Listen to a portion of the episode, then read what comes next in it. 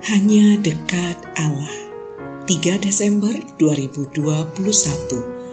Elang dan Raja Wali.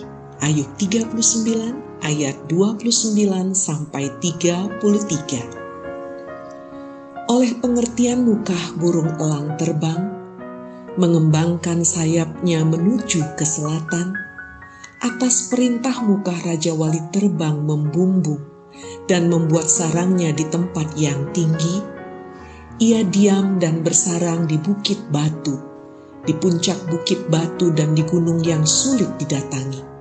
Dari sana ia mengintai mencari mangsa. Dari jauh matanya mengamat-amati. Anak-anaknya menghirup darah.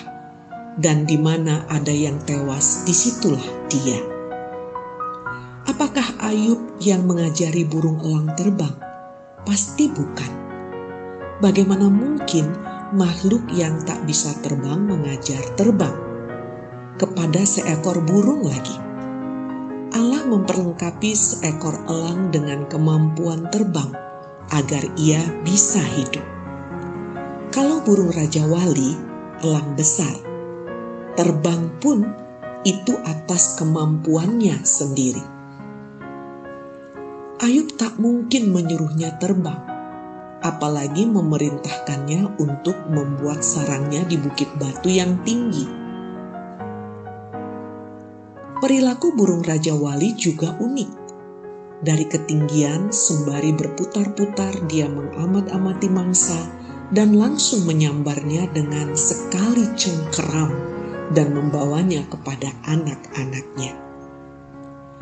Seekor Raja Wali bisa melihat tikus dari jarak sekitar 30 meter dari udara dan langsung menukik tajam dengan kecepatan mencapai 190 km per jam.